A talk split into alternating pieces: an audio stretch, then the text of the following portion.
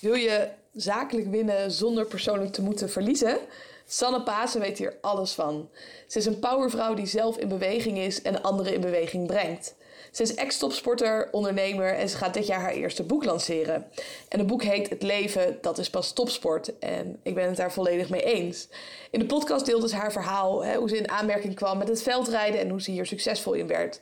En ook deelde ze haar grootste blinde vlek, die zorgde voor een tegenslag. En ze deelde ook hoe ze hier uiteindelijk weer bovenop kwam. We spraken over hoe belangrijk het is om te focussen, te vertrouwen op je gevoel en ook die rust te nemen om zo op een relaxte manier het maximale uit jezelf te kunnen halen. En luister snel mee om erachter te komen hoe je dit ook echt concreet kan doen en wat je kan leren van de topsoortmentaliteit van Sanne. Ik zet hem aan. Yes. Nou, rollen omgedraaid. Jij, want jij hebt al, ik zag op je Instagram dat je je honderdste podcast ook al. Uh... Ja, mijn honderdste podcast die gaat, uh, mm, ik denk over twee weken online komen.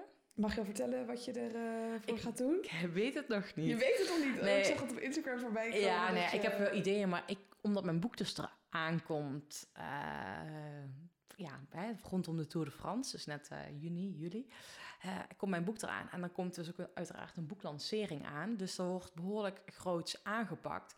Dus ik dacht wel van ja, ik kan uh, heel bijzonder vet um, nu mijn honderdste podcastaflevering gaan doen. Maar ja.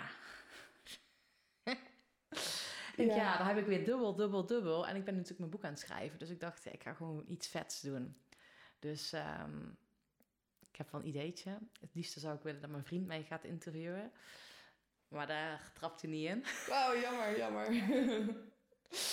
dus um, ik heb nog wel een paar andere ideeën. Dus het gaat wel iets leuks komen. Ja, dan moet je nog gaan uitwerken wat en hoe. Ik denk gewoon iets, weet wanneer de inspiratie komt, dat het komt.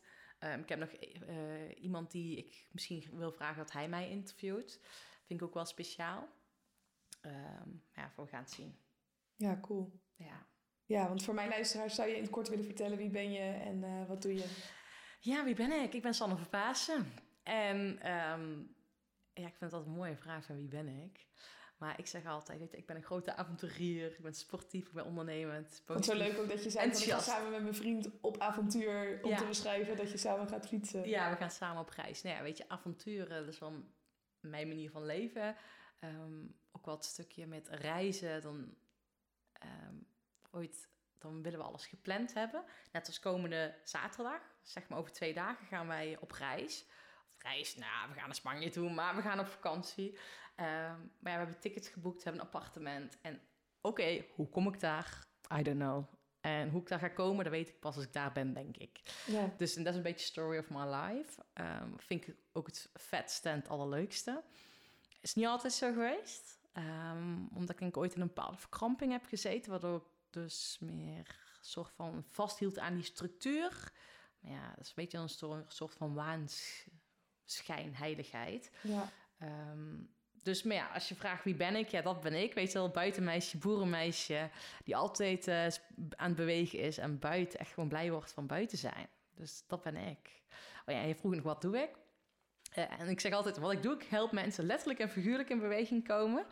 Um, en dat is het stukje, weet je, ik help mensen peak performance, topprestaties leveren, uh, het maximale uit zichzelf halen. En daar is gewoon waar ik heel erg blij van word om andere mensen te helpen om te winnen. En ik zeg altijd, ik help ze zakelijk winnen zonder privé te verliezen. En dat is wat ik tof vind. Ja, want je stelt inderdaad, hè, ik heb heel veel ondernemers die dan toch wel heel hard werken.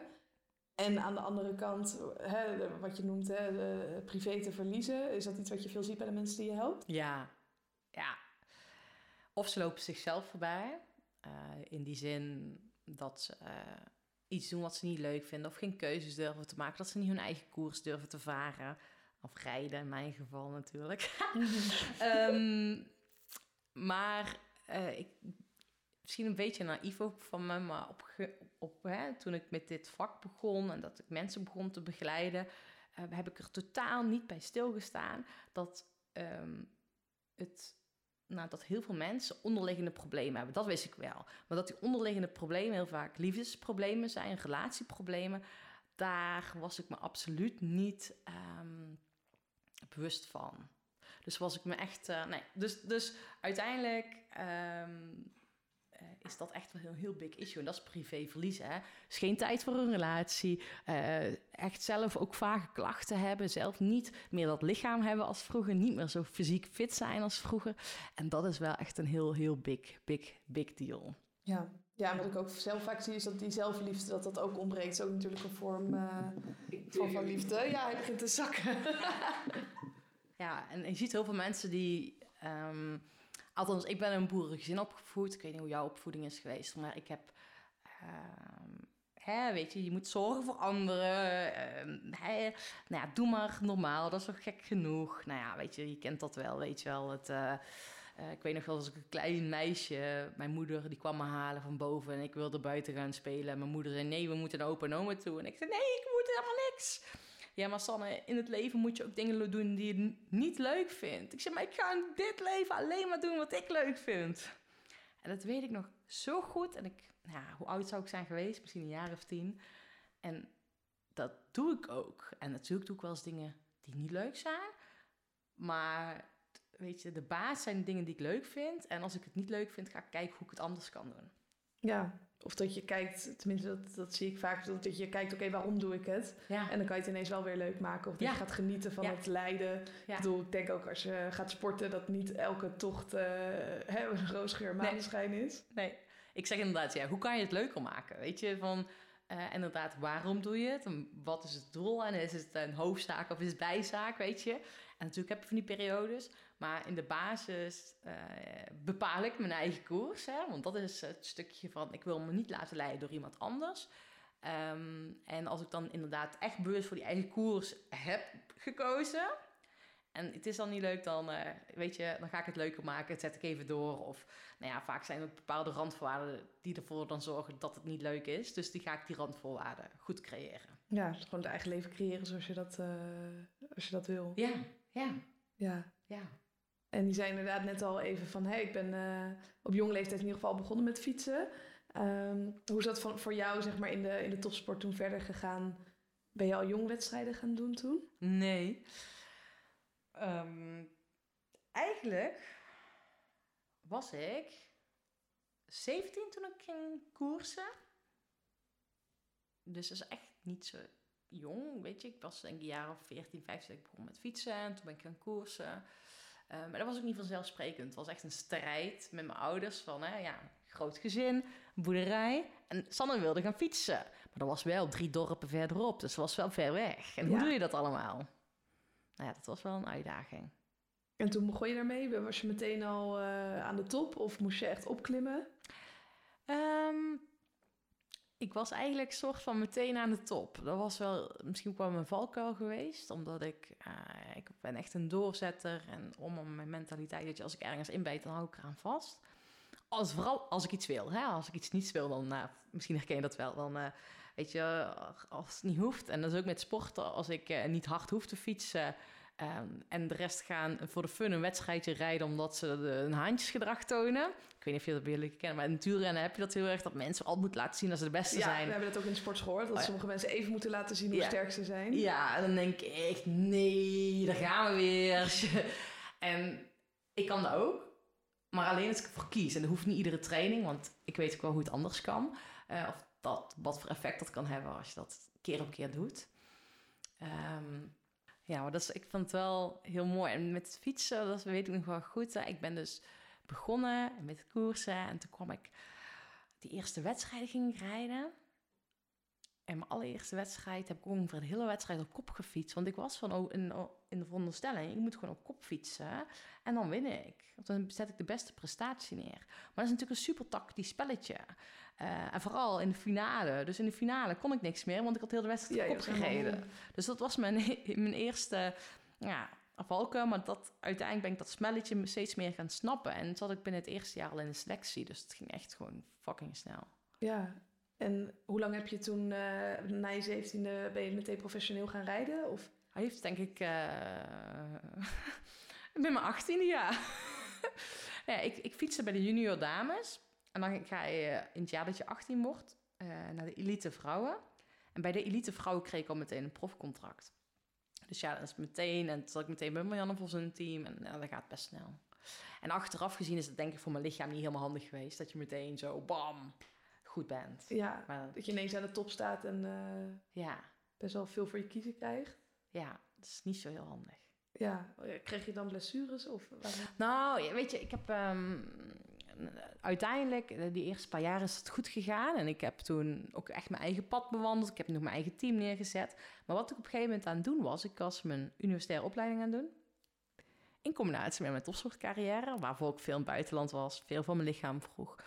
En ik runde mijn eigen team, want ik had al door dat je de beste prestaties neerzette als je met de beste mensen samenwerkte. En ik wilde zelf bepalen wie die beste mensen waren. Weet je, dat, nou, je kan dat wel doen iemand anders die dat zegt. Maar ja, ik moest bijvoorbeeld naar Den Haag toe. Ja, weet je, dat is niet zo heel handig. En dat is niet, als je over energiemanagement hebt, dat is niet zo heel handig om daar naar Den Haag om even naar een sportarts toe te gaan. En kan die man wel rete goed zijn, maar als ik daar heel vaak moet komen, nou ja, het kost mij veel te veel energie. Nou ja, dus ik ben dat helemaal zelf gaan doen. Maar ik was op dat moment dus drie uh, ballen tegelijk in de lucht aan het houden. En ik deed nog even mijn opleiding zo tussen, ja, tussen de regels door. En dat ging eigenlijk allemaal soort van vanzelf. Maar uiteindelijk um, merkte ik al aan mijn lichaam dat hij soort van vermoeid werd. Um, ik had echt, ja, ik was gewoon chagrijnig, kort af. Weet je, als je afgetraind bent. Hè, ik was denk ik misschien wel, nou, ik weet wel zeker, 5, 6 kilo lichter als dat ik nu ben ja, dan sta je gewoon, met je, weerstand is gewoon heel zwak. Um, continu stress, continu onzekerheid. Ja, en begon weet dan met uh, last van mijn longen krijgen, niet beter horen, chronische astma.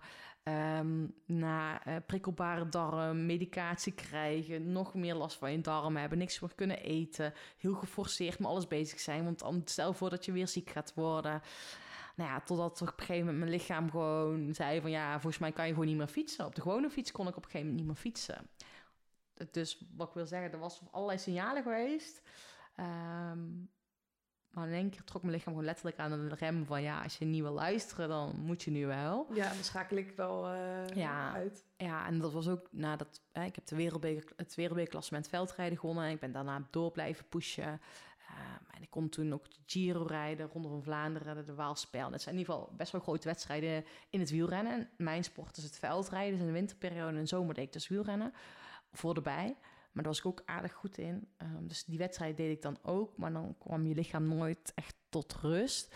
En ik vergat ook nog mentaal te rusten, zeg maar. Soort van, want mijn rustperiodes, uh, sportief gezien, waren mijn piekperiodes op school voor mijn studie. Want dan deed ik mijn tentamens en zo maken. Ja. Dat lukt allemaal. Maar ik had beter ook kunnen rekening kunnen houden dat uh, fysiek en mentaal één is. en dat het ook wel ooit handig is dat je allebei even rust neemt. Ja, precies. Je zei op een gegeven moment kon ik gewoon niet meer fietsen. Ben je toen wel rust gaan nemen of hoe is het toen verder gegaan? Het was heel lastig. Um, want ik ging met diezelfde drive die ik heb en waarmee ik al die ballen in de lucht hield, met diezelfde drive ging ik revalideren. En dat herken je misschien wel. Je gaat met diezelfde drive revalideren. weet je, je, je liep, of ik liep zat een land af naar alle specialisten. En ik wilde gewoon te morgen het antwoord hebben. Ja, en al klaar zijn zodat je weer door kan gaan. Ja, nee, je denkt geen... Dat afvinken, afvinken, ja. afvinken. Check, check, check, check. Oké, okay, me time, in bad. Oké, ik moet nu ontspannen. Ja, dan... nou dat, ja. En um, ik was heel erg op zoek op dat moment naar de oplossing. En ik zei altijd van, ik had het liefst dat iemand tegen mij zei van... Sanne, ga acht uur op je kop staan tegen de muur. Na die acht uur is het over. Ik wilde heel concreet het recept hebben... wat ik moest doen om te revalideren. Uh, maar dat recept is er niet. Dus, en ik denk dat het voor iedereen, ook voor de luisteraar... als je dus fysieke klachten hebt of ergens van moet herstellen... of um, hè, merkt dat je last hebt van stress of wat dan ook, weet je wel. Er is geen, uh, geen eh, concreet recept naar de oplossing. Jij bent het recept en dan moet je zelf ontdekken. En ik denk dat dat het aller, aller, allerbelangrijkste is... dat je dat recept bij jezelf na moet gaan. Van wat is jouw recept... Ja. voor jouw succes. En om weer te kunnen herstellen. Nou, dat is voor mij echt een hele zoektocht geweest. Want ik heb echt tot ik kroop tegen het plafond omhoog. Uh, ik zeg wel, ik ben heel blij dat mijn vriend op dat moment, of dat hij nu nog bij mij is, want die was toen ook al bij mij. En ik was echt geen leuk persoon. Ik was echt gewoon, uh, um, ja, depressief kun je wel noemen. Um, nee, wat je, je bent eigenlijk ten einde raad. Nou, en uiteindelijk eh, weet ik nog goed dat ik met een vriendinnetje koffie aan het drinken was. Nee, eh, ik moet goed zeggen, we zaten in de kroeg. Eh, volgens mij zat ik aan de thee en zij een biertje. En zij is huisarts en zij was een verhaal vertellen over een patiënt. En zij vertelde het verhaal van haar patiënt, dat ze haar patiënt naar heel veel verschillende specialisten had gestuurd. En, ehm, maar overal kwam er niks uit. Niks concreet waar ze iets mee kon. Er kwam er wel uit, maar niet wat de oplossing voor haar was. En toen zei ze uh, vervolgens, ja, ik heb haar maar de osteopaat gestuurd. En ze zei de volgende woorden daarna. Want ik denk dat het tussen haar oren zit. En ik schrok op dat moment heel erg van haar uitspraak. Want ik herkende me helemaal uh, in dat verhaal. Want ik was bij allerlei specialisten geweest. Ze hadden bij mij kiezers in mijn knieën ge gevonden. Ze hadden een knik in mijn liefdagader gevonden. Ze hadden het syndroom van Loge in mijn bovenbeen ge gevonden. En ik had last van mijn bovenbenen. Alleen ik had last van mijn bovenbenen links en rechts. Die kwamen supersnel in de verzuring. Um, nou ja, en um, dat is dus allemaal bij mij gevonden maar ze wilden me allemaal links ergens uh, opereren. Maar ik had dus die klachten links en rechts. Dus ik zei elke keer, maar hoe kan dat? Hoe verklaar je dat ja. dan? Maar in ieder geval, zij vertelde het verhaal. En toen zei ze dus die uitspraak. Het zit misschien wat tussen haar oren. En het kwam bij mij zo binnen alsof ik korstkluiting kreeg. En ik voelde die angst, agressie omhoog komen. En ik denk, ja, hallo, what the fuck. Het zit niet tussen mijn oren, weet je. Het is Ja, ik gewoon... verzin dit niet. Het nee, het is echt. En dat werd destijds ook tegen mij gezegd van... Sanne, misschien weet je wel niet meer wat afzien is. Ah, en dat zijn echt dingen, echt super pijnlijk als dat tegen je gezegd wordt. Die mensen bedoelen allemaal goed, maar het kwam wel hard aan. Maar op dat moment dat het tegen mij gezegd werd, eh, nou, het kwam er ook een inzicht. En dat was, als je doet wat je altijd deed, krijg je wat je altijd kreeg. Super cliché, maar die kwam toen op dat moment bij mij binnen.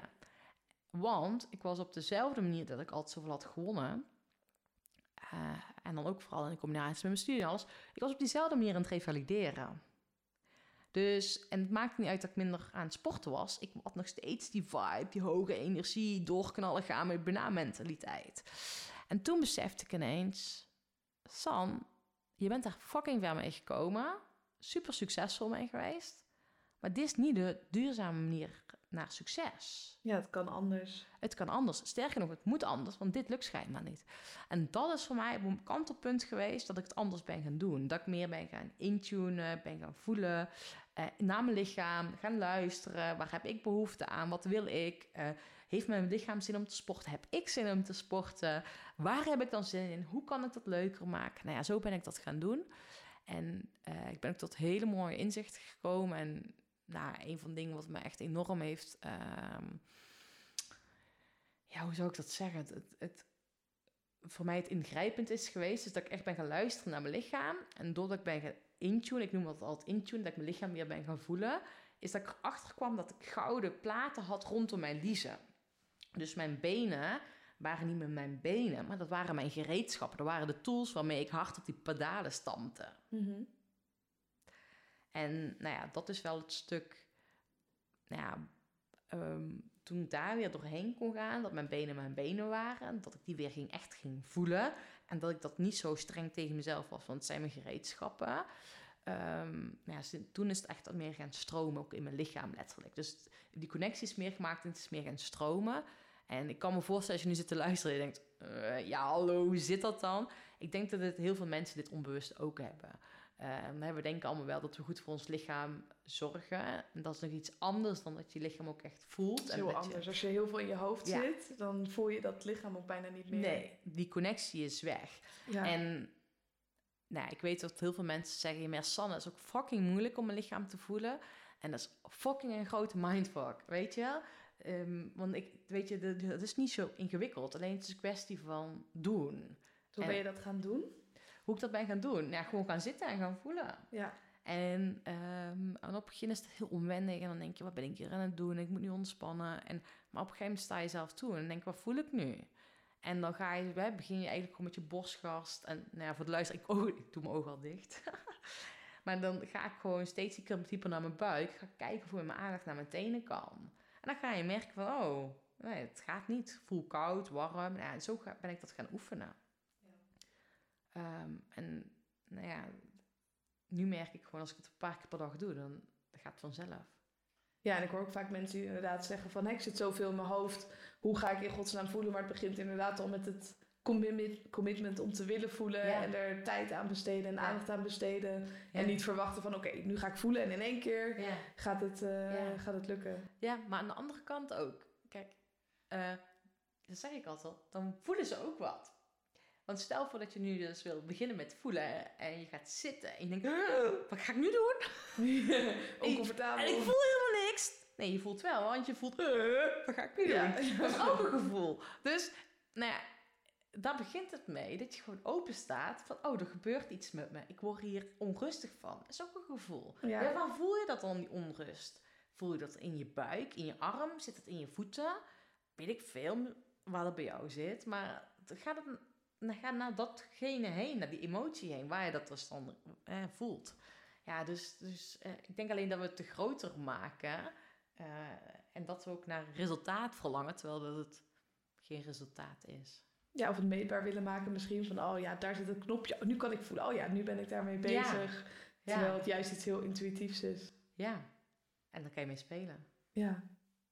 En toen ging het bij jou ook een stuk beter toen je daarmee aan de slag ging? Ja, dat was natuurlijk ook gewoon een, eh, een worsteling. En ehm, ik heb daar ook echt, al, met mezelf echt moeten worstelen. Dus wat ik nu zeg, is mijn ervaring geweest. Dus dat ik, ja, goh, weet je, ik heb echt moeten worstelen om dat te ervaren. Op een gegeven moment dat ik gewoon zit van, oh, dit is ook prima, weet je, it's fine. Weet je, ik, ik ben nu hier, dat is prima.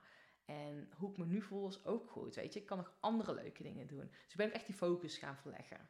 Van wat kan ik wel doen? Ik kan niet sporten. Oh, maar misschien, of ik kan niet huren. Dan kan ik wel, ik ben gaan boksen. Ik ben gaan zwemmen. Ja, dat kon ik wel, weet je. Dus ik ben gekeken, gaan kijken, wat kan ik wel? Ja, en ook hè, je bent sporten vind je volgens mij gewoon hartstikke leuk. Ja. Dat je ook wel de dingen blijft doen die je leuk vindt. Ja. eh. Maar ik ben ook weer teruggegaan wat ik vroeger leuk vond. Koken, bakken. Ehm, ben ik me helemaal, vond ik echt super tof. Ik ben me destijds al gaan verdiepen in websites bouwen en dat soort dingen gaan bloggen. Dus dat vind ik ook super tof. Heb je ook je eigen website dan gemaakt? Ja, Oh, Ja. cool. ja. Ja, of gedeeltelijk, weet je. Stukje, stukje. Maar dat vind ik allemaal toffe dingen. Ja, want ben je toen na het wielrennen meteen gaan ondernemen? Of? Ehm, ik was al als wielrenner ondernemer. En ik heb een tijdje in loondienst gezeten. Maar ik heb wel ook toen daarnaast nog ondernomen. Ehm, maar ik heb eigenlijk bewust, want ik voelde van ik wil dit doen. Wat ik nu doe. Maar toen dacht ik, ja, ik weet eigenlijk helemaal niet wat werk is. Want ik heb gewoon heel leuk geld verdiend met mijn sport. En toen dacht ik, hoe, wat is werken? en ja, en hoe kan ik nu andere mensen gaan helpen eh, met hun ambities? Als ze aan het werk zijn, in het ondernemerschap zitten of in het bedrijfsleven, weet je. Ehm, het zijn veel ondernemers die bij mij komen, maar ik zeg ook altijd ondernemende mensen. Dus ik kom ook regelmatig mensen bij mij die grote customer service teams aansturen of eh, managers zijn van grote teams. Dan denk ik, ja, hoe kan ik hen nu begeleiden als ik zelf niet weet hoe de hazen lopen binnen een bedrijf. Dus ik heb eh, even twee, even, nou, ik heb twee banen gehad. Eén baan als eh, recruitment consultant. Dus ik heb echt in de recruitment gezeten. Superveel bedrijven in korte tijd gezien. Mijn sales, mijn... Nou ja, Was mijn het ook echt je insteek om daar te gaan werken, puur om daar Ja. wat van mee te ik krijgen? heb letterlijk gezegd, vind ik heel vet hoe het is gegaan. Want ik heb ben eh, gestopt, heb ik letterlijk gezegd, ga eerst twee jaar werken en dan ga ik ambitieuze mensen coachen.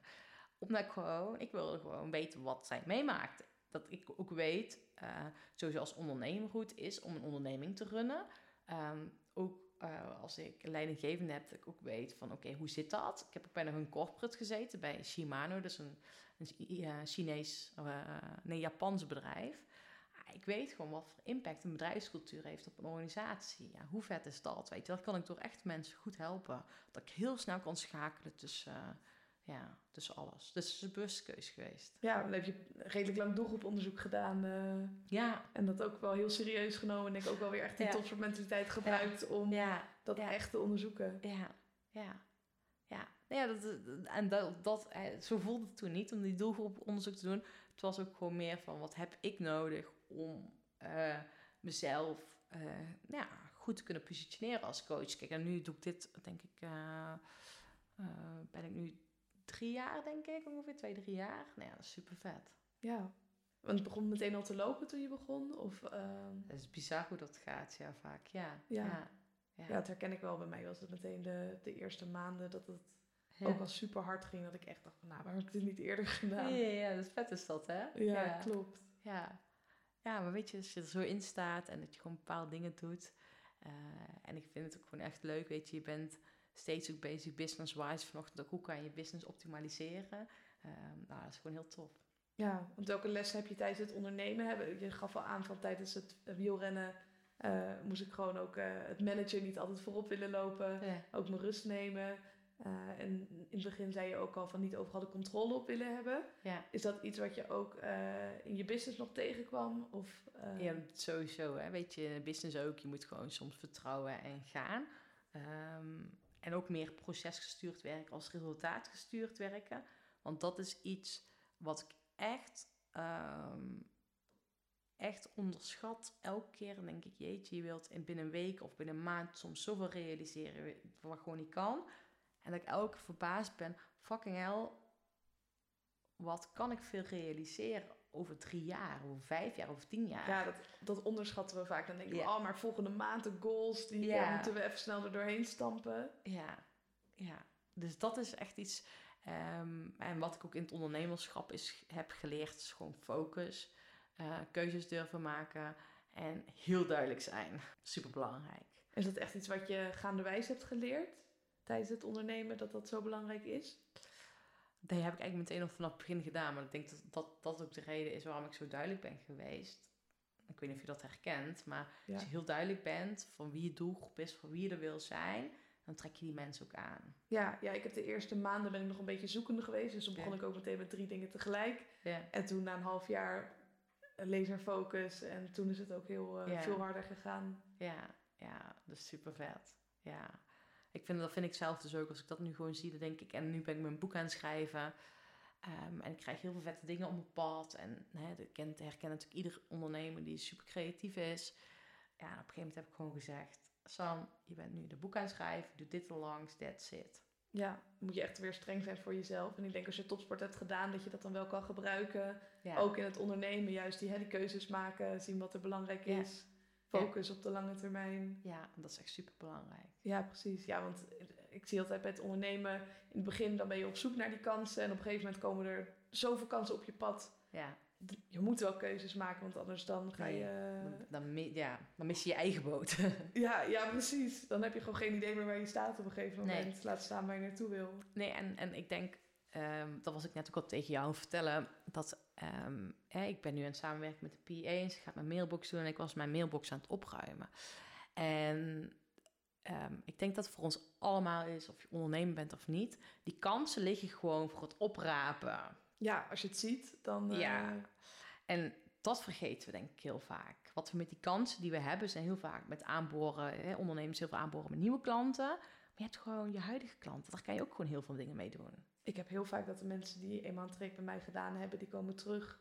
Of Ja. die sturen hun eh, ja, contacten naar mij door. Of nou, dat, ja, als je gewoon tevreden klanten hebt, dan eh, gaat het zoveel makkelijker. Ja, dat is zo mooi.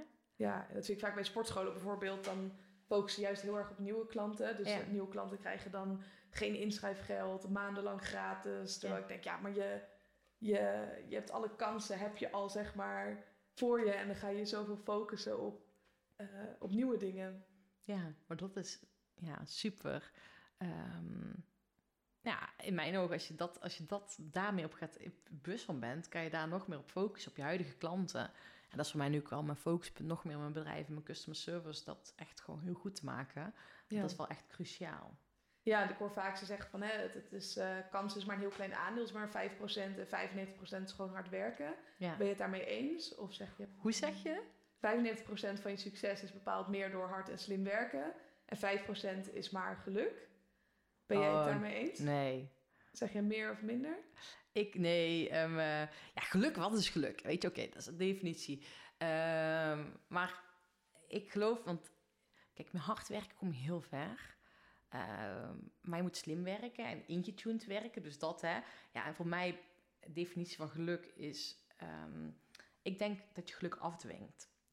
Dus voor mij is gewoon, als je het dus zou moeten zeggen, kijk, als je het naar sporten zou vertalen, ehm, eh, komt een sportieve prestatie, is dat fysiek of mentaal?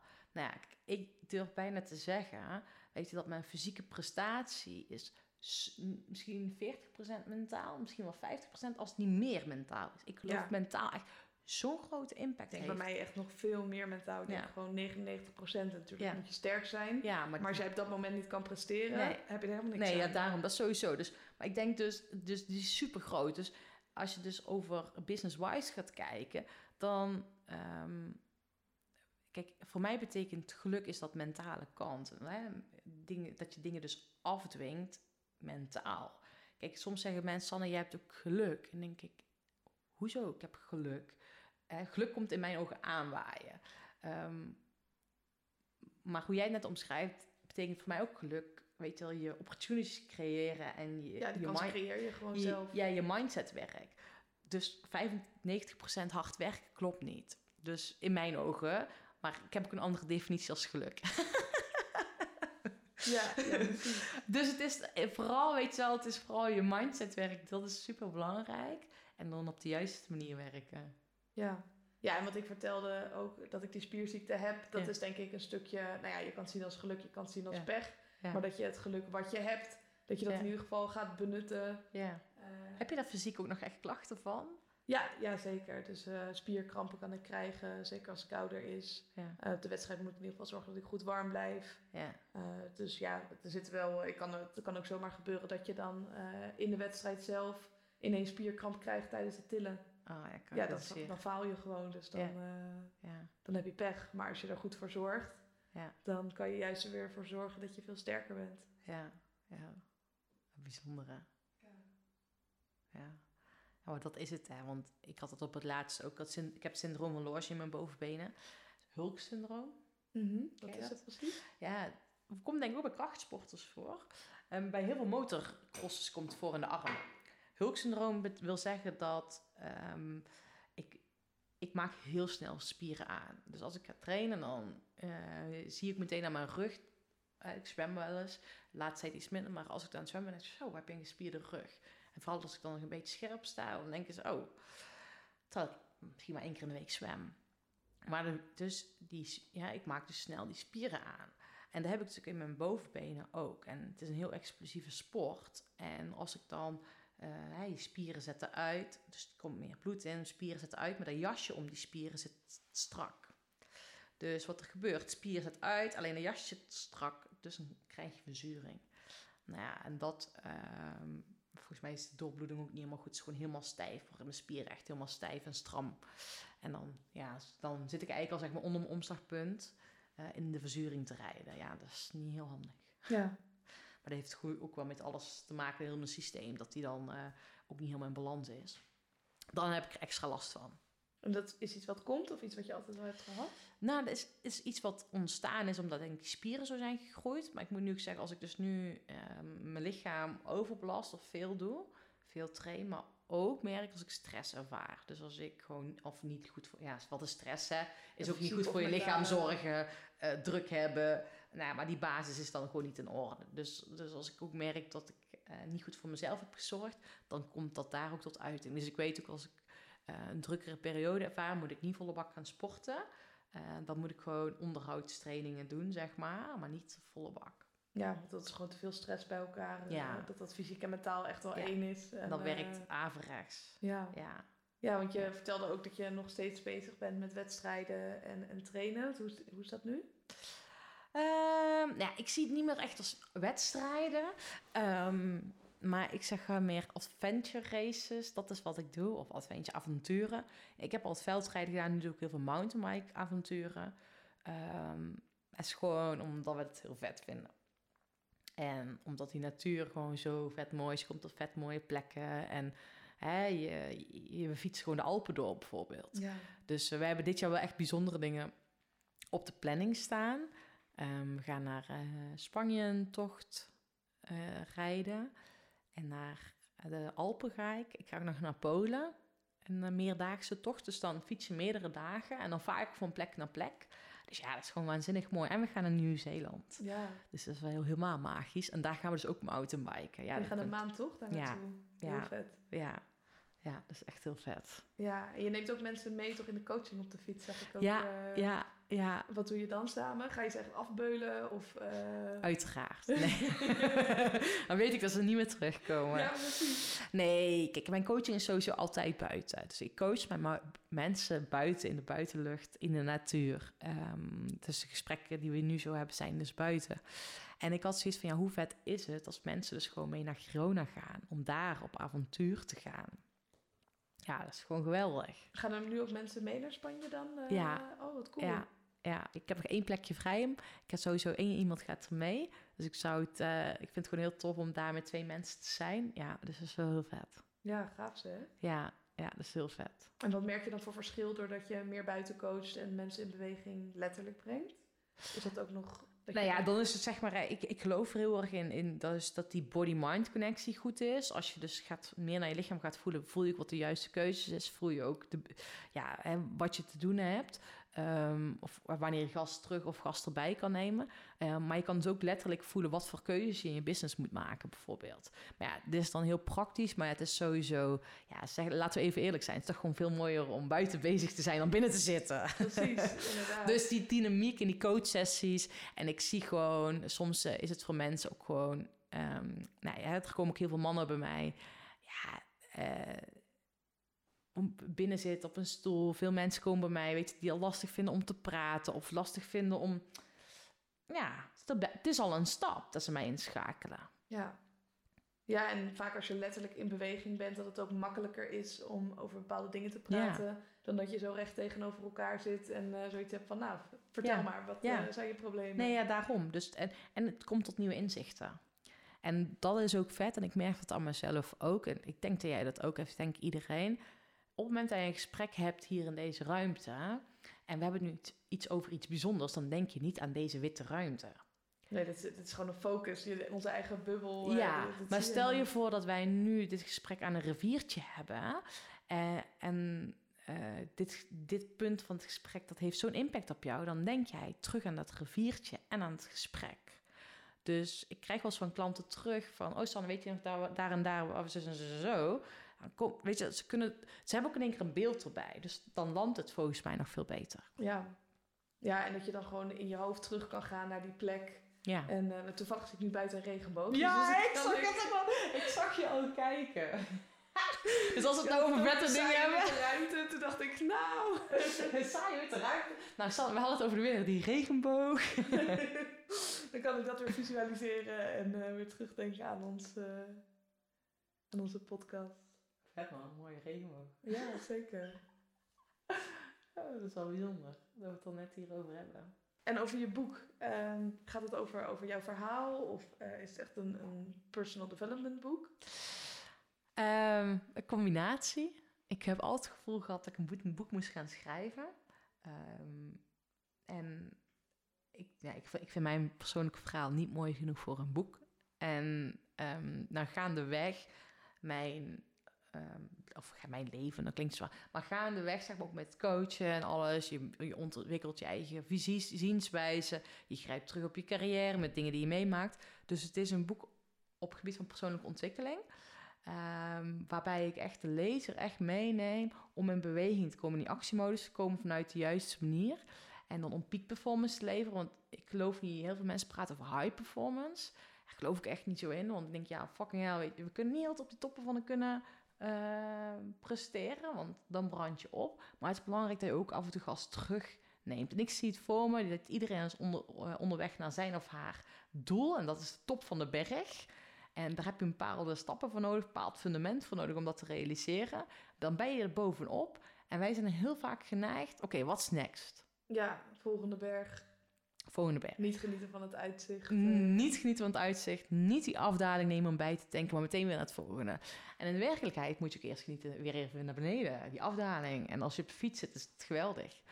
Nou ja, en daar gaat het boek over. En het boek heet ook, eh, de titel van het boek is Het leven, dat is pas topsport. Ja.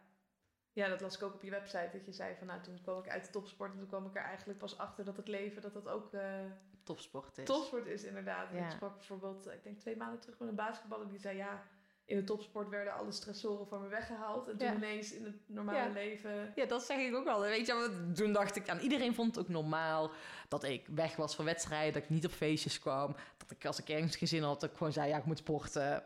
Nou, dat werd allemaal, dat werd veroorloofd. En nu, eh, nou ja, weet je, je moet allemaal regelen. En ik vind het zo knap ook mensen die het met jong gezin combineren. Nou, dat vind ik echt super knap. Ja, klopt. Ja, en zoveel ballen die je in het echt hoog moet houden. Terwijl in topsport kan je zeggen van, nou, laat ik die bal lekker vallen. Ja. Want ik doe topsport. Ja, Terwijl Ja. eh, in het dagelijks leven kan je zeggen, oh, ik betaal mijn rekeningen niet, want... dat kan je niet als topsport zijn, hè? nee, maar dat- sommige topsporters eh, die waterpolo die ik sprak, dat werd gewoon allemaal voor hem geregeld. Oh, echt? Ja, Oh, daar is een manager voor. Ja, ja, ja, ja, ja. Dat is wel echt heel bijzonder. ja, die mochten echt nul stress hebben en volledige focus op, eh, op Ja. de sport. Ik denk dat het ook niet... Hè, ik begeleid een aantal topsporters. de toekomstige Formule 1-coureurs begeleid ik. Eh, ik ben verbonden aan de autosportselectie. Of de Team NL en dan de autosport. Ehm, en zij zijn ook verantwoordelijk juist voor hun eigen budgetten en zo. En ik leer hun juist, of leer, laat hun ervaren hoe ze dat kunnen ontwikkelen. Ja, dat ze nu al eh, op jonge leeftijd dat kunnen. Ja, ja. En wat doe je dan bijvoorbeeld met hen, met die topsporters? Is dat anders dan met ondernemers? in de basis niet. Ehm, want dat is ook denk ik ook wel waarom ik met hun heel erg resoneer. En dat ik hun help begeleid. Omdat zij dus ook met het financiële plaatje, dat, dat eh, sponsoring een groot issue is. Ehm, maar in de basis is het allemaal hetzelfde. En ik denk ook als je, of je nou ondernemer bent, topsporter of gewoon, eh, eh, gewoon in het dagelijks leven, dat je een, een baan en loondienst hebt. Het is eigenlijk allemaal hetzelfde. Kijk, dat ik ik zeg altijd coach winnaars. Dat komt gewoon dat ik met, het leuk vind dat ik zelf beter functioneer om een bepaald type mensen te werken. Dus dat zegt iets over mij. eh, waardoor ik, je, je hoort misschien al aan mijn stem, ik word enthousiaster daarvan. Ja. Het is gewoon met type mensen dat ik, dat is waarom ik hun begeleid. Maar in de basis is voor iedereen hetzelfde. Ehm, en dat is ook met die topsporters zo. Alleen ja, met die topsporters zijn wat jonger, dus dan heb je wel met puberbrein te maken. Ehm, maar ik vind dat super tof, want ik had het destijds ook. En ik weet nog hoe ik toen in elkaar zat. En nou ja, dat is super vet als je hem daarin mag begeleiden. Ja, ik denk ook als je op jonge leeftijd al met mindset aan de slag gaat, dan ben je nog niet zo gevormd als eh, op oudere leeftijd. Dus Ja. dat je uiteindelijk veel meer profijt er ook Ja, ja, ja. ja, die hebben er heel veel profijt van. En ehm, eh, ook dat met hele kleine dingen je zo'n groot verschil kan maken. En dat vind ik zo mooi om te zien. En wat voor dingen dan bijvoorbeeld? Nou ja, kijk, ik zeg altijd, hè, je kan eh, letterlijk energie tanken. En dat doen we denk ik allemaal, hè. Gezond eten, goed slapen. Op de juiste manier bewegen. Dus niet altijd volle bak, maar dat je wel hè, opbouwend traint of je ook rust pakt. Dat is eigenlijk heel logisch. Maar ik zeg ook, je kan ook wat figuurlijk energie tanken. En da- daarin zijn heel veel mensen niet bewust mee bezig en ze laten zich onbewust leegtrekken. En ik heb met die sporters, of wat ik hier dan mee bedoel, is bijvoorbeeld, iedereen kent wel dat je een ruimte binnenstapt of bij een gesprek aansluit en dat je in één keer voelt, kwam hier op verkeerde moment binnen of ik had hier niet bij moeten staan. Weet je, dan voel je meteen zo'n akelige stilte van je denkt, oh. Of dat je thuis komt na een dag werken en je voelt al in, voordat je jas Hangt in uit de lucht. ja, er hangt er iets in de lucht. Nou ja, weet je, dat is natuurlijk... eh, dat is altijd zo. Alleen sommige momenten voel je dat meer dan andere momenten. Ehm, en vooral als je een bepaald stramien gewend bent... eh, of bepaalde situaties zit... en vooral met jonge kinderen of met pubers... Of, ik denk dat heel veel volwassenen er ook niet bewust van zijn. Maar met een van die sporters... ehm, ja, hadden we gesprekken en ik heb die jongen leren kennen ja, hij was een soort van depressief. Hij was heel zijn lichaamstaal was achterover, weerstand, defense, niks was goed genoeg. En eerste gesprek al was ik al iets met hem, denk oh, ik zou hem heel graag willen helpen, weet je. Nou ja, uiteindelijk gaandeweg uh, had hij vertrouwen in mij en of, hij ging gewoon zijn verhaal vertellen. En uh, op een gegeven moment vertelde dat zijn ouders in scheiding, of waren gescheiden scheiding lagen. En dat was ondertussen nu een jaar zo. En hij was echt, die voelde die wrok bij hem. En hij voelde zich niet gezien door zijn vader. En nou zo kon ik, kon ik wel even doorgaan. Maar waar het op neerkwam, dat ik dus tegen die jongen heb gezegd van... Um, heb je misschien wel door wat voor impact die situatie van je ouders op jou heeft? En dat het jouw energie kost en wat hetgene wat je aan het doen bent. En die jongen zat echt met zulke grote ogen naar mij te kijken van wat zeg je nou? Dat ik uiteindelijk zal duidelijker zijn. Ik zei volgens mij dat jij nu niet presteert in die auto ehm, is omdat jij ehm, die energie van je ouders overneemt. Hè? Jij bent boos, je bent gefrustreerd. Zeg maar, een stukje wat je ouders, die keuze die je ouders hebt gemaakt, ligt niet aan jou. Dat is de keuze van je ouders. Uh, en dan mag je loslaten. En je hoeft niet voor je vader zorgen, je hoeft niet voor je moeder zorgen, je moet vooral voor jezelf zorgen. Nou, in ieder geval dat gesprek ben ik met hem aangegaan. Hij zegt, nee, heb ik helemaal niet door. Ik zei, nou, Mega blinde vlek. Uh... Ja, maar ik zei, ja, en stel je voor, hè, jouw moeder heeft moeite mee, maar jij loopt iedere dag bij je moeder in huis, die dus lagere energie zit. Dus daar kan je ook voor beschermen. Nou, en daar ben ik met hem aan de slag gegaan. En uiteindelijk heb ik hem niet eens geleerd hoe je dan voor die energie moet beschermen. Dat inzicht was uiteindelijk voldoende. En je ziet die jongen gewoon opbloeien en, nee ja, eh, ehm, ja, echt opbloeien. En dat vind ik heel vet dat hij uiteindelijk gewoon, ja, een, gewoon een grote wedstrijd wint. Het is uh, ook echt in zijn resultaten terug te zien. Uh. Ja, ja, en ik zeg niet dat het daardoor komt, hè, maar ik zie alleen wel dat hij lekkerder in de wedstrijd is gaan zitten, zeg maar. Hij is gewoon, hij was, zit lekkerder in zijn vel. En of dat nou daardoor komt, dat maakt helemaal niks uit. Nee, maar, je ziet, ik zie wel dat het iets met hem gedaan heeft. Ik denk sowieso in je trainingen dat het wel uit gaat maken als jij met volle aandacht daarin zit en meer energie. Ja. Ja, en ook in, in, hun wereld hebben zij een groot netwerk om hen heen nodig van sponsoren. En handel je vanuit angst, agressie of ga je een gesprek in vanuit die frustratie of zit je liefdevol in de wedstrijd? Dat heeft een mega impact. Ja, ja en ook hoe de sponsoren jou natuurlijk zien. Of ze denken, nou, dat is een stabiel iemand om mee te gaan werken. Of uh, hè, dat is, uh, ja. dat gaan we niet doen. Ja, en dat is wel heel mooi. En ik moet ook zeggen, ik vind het wel heel tof, want ik zie dus gewoon echt um, ook dingen terugkomen in zijn communicatie. En ook dat hij wel eens zegt van, en dat is wel een heel specifieke sport, maar dat hij zegt van ja, soms is het gewoon niet leuk om iets te vertellen waar je het niet mee eens bent. Maar dat is voor de short term is het niet leuk, maar voor de langere termijn is het gewoon veel fijner. En dat is heel vaak, we kiezen, kies je voor de makkelijke weg of voor de moeilijke weg. En die makkelijke weg, um, nou ja, is misschien wel uh, handiger of dan ontwijk je, maar dan neem je een zijweg. En soms is die moeilijke weg de weg de snelste weg. En dat is ook wel iets wat ik heel veel mensen leer. Van ja, weet je, je kan die moeilijke weg ook vanuit liefde en um, nou, vanuit de juiste vibe aanvliegen, van de juiste intentie. In plaats van dat je dat met uh, gebogen schouders doet en iedereen weg gaat knokken. Het kan ook anders.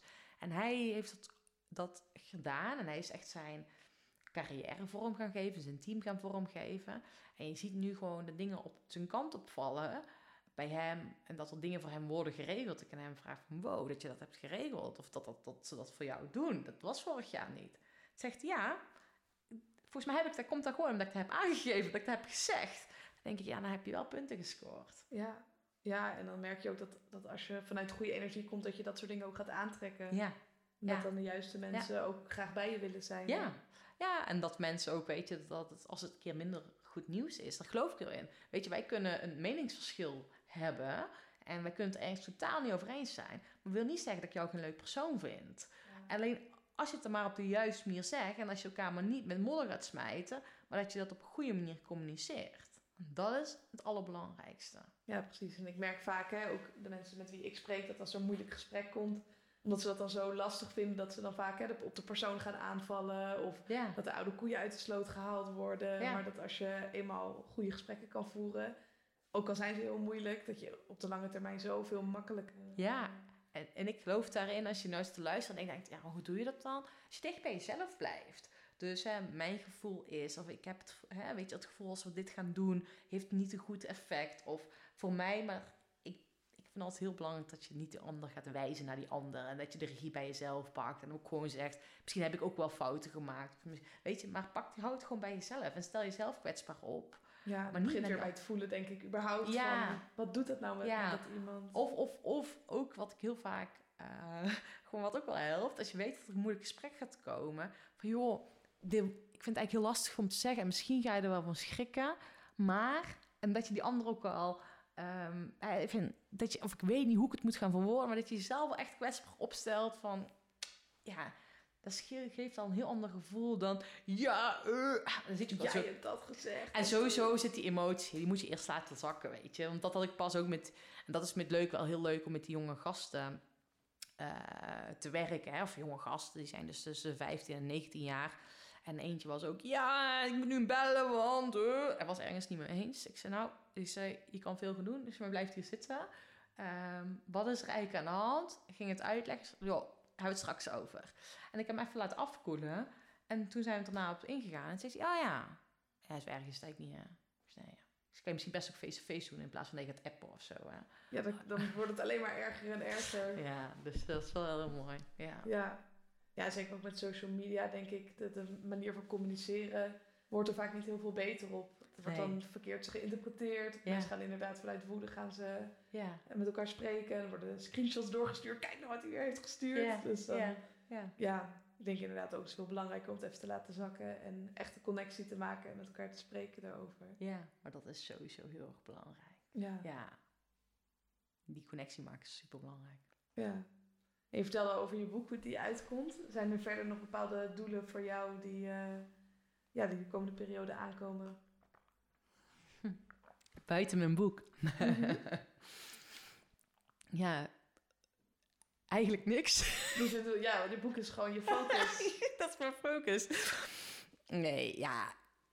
Weet je, dat zijn allemaal bonussen. Ehm, kijk, ik zit heel graag. eh, ehm, nee, ja, dat is, dat is heel bijzonder. En dan merk ik voor mezelf ook. Weet je, ik heb een omzetdoel dat ik wil realiseren. Maar ik heb eigenlijk vooral de toegevoegde waarde die ik wil leveren. En ik merk gewoon. Kijk, ik leef mijn droom al. En ik wil gewoon iedere dag opstaan met die lach op mijn gezicht. En ik denk, weet je, dat ik gewoon mooie gesprekken kan voeren. Als dit vind ik al geweldig. Ehm, en dat wil ik alleen nog maar meer doen. Ja. En dat is wat ik al doe. Kijk, en ik, ja, ik weet niet. Ik hoef niet per se. Hè, ik, ik zou nog wel ooit een TEDx-talk willen doen. Dat zou ik heel vet vinden. Ehm, maar je bent ook spreker, toch? ja, of ik sta regelmatig, of ik dan spreken ben, maar ik sta regelmatig op het podium. Maar dat, dat zou ik nog willen doen. Ja, en ik zou nog wel met bepaalde klanten willen samenwerken. Maar ja, weet je, eh, is dat zo ego-strelend dat ik met die klant, of bij een bedrijf, weet je, wat ik een groot traject bij een bedrijf wil doen. Ja, zo, maar dat is ego-strelend, weet je. Eigenlijk maakt het me niet uit of ik nou op welk bedrijf zit. Mij gaat om die connectie die ik kan maken met andere mensen. Heb je wel zulke grote doelen die je nog wilt realiseren? Eh, ja, ik heb bepaalde omzetdoelen, maar dat is bij mij Ja. meer een middel om eh, Ja. gewoon nog meer impact te kunnen maken. En Ja. dat is voor mij uiteindelijk dan eh, ja, het doel. de, Ja. de reden dat je onderneemt. Dat is niet, als ik heel rijk van had willen worden, dan Nee. is ik wel een webshopje begonnen of zo. Ah! Dat, dat groot gaan maken. Ja, ja. Nee, maar, dat, maar als je dat vraagt, hè, dus inderdaad, eh, wil je impact maken? Ja. En ehm, hoe ik dat wil doen, dat ga ik natuurlijk met mijn boek helemaal doen, hè, impact maken. Maar ik eh, zou het nog heel tof vinden om ooit iets met kinderen te doen. Ehm dat heb ik al pas ook al gedaan. Om kinderen, weet je, daar begint het mee. Dus als je daarmee met hun aan de slag kan gaan, dat is gewoon heel vet. Kijk, ja, en ik zou het uiteindelijk wel mooi vinden als je gewoon mensen nog meer mag inspireren met wat je aan het doen bent. Dus die, die rippel dat je ehm, echt vooral mensen kan laten ervaren dat het gewoon ook anders kan. Ja. En het is niet zweverig. Nee, het is gewoon, weet al, voelen wat je wilt en connectie maken met jezelf en met die ander. En dat is volgens mij gewoon de basis. Ja, precies. Ja. En inderdaad, ik heb ook meer eh, met, met de jongere generatie dat ik ook denk van, hè, als we zeker ook die gaan helpen, ehm, die zijn nog relatief makkelijk te veranderen en Ja. die hebben er nog jarenlang profijt van. Dus Ja. voor mij ook wel iets eh, ja, wat, ik, wat ik nog veel meer zou willen doen. Ja. Ja, dat is super mooi. Ik vind jongeren, jongeren, of tenminste, ik heb het pas met de school gedaan. Ehm, super bijzonder, vond ik heel vet. Ja. Ja, Het lijkt me ook wel tof inderdaad om op scholen veel meer te Ja. gaan doen en eh, ja. daar mensen ook te laten zien van, joh, dit, is, dit is er mogelijk. ja, en dat ging bij mij toen daarna ook. Ik denk, oh vet, ga ik fietsen kopen, ga ik dat allemaal doen? En denk ik, nee Sanne, rust. Eerst zet de focus, het boek.